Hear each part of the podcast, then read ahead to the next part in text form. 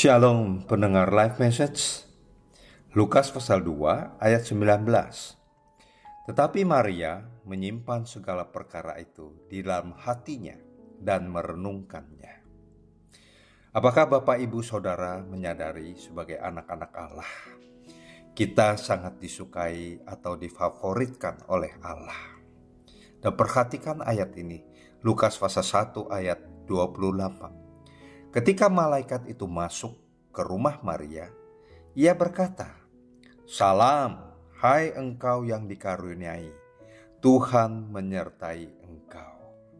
Dengan artian bahwa setiap anak-anak Tuhan yang disertai oleh Allah itu merupakan anak-anak favorit yang disangat dikasihi oleh Allah. Tidak ada masalah dengan masa lalu kita.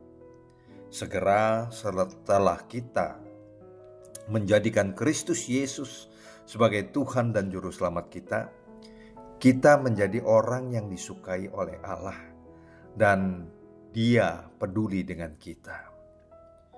Pada saat itu, Maria tidak mengerti bagaimana dan mengapa dia bisa mendapatkan karunia Allah, dan untuk apa karunia tersebut.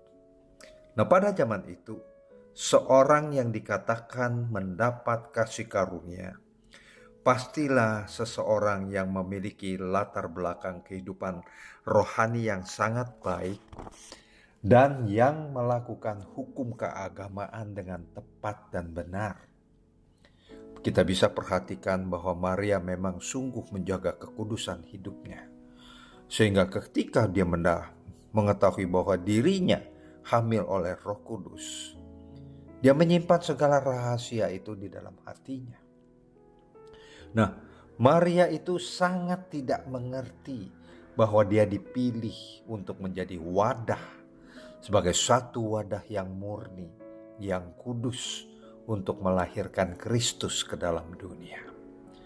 Bapak Ibu sekalian, dengan alasan yang sama, kita juga dikasihi oleh Tuhan, seperti Dia mengasihi Maria kita saat kita menjaga kekudusan kehidupan ini, maka kita menjadi orang-orang yang di mata Allah menjadi favorit karena kita dikasihinya.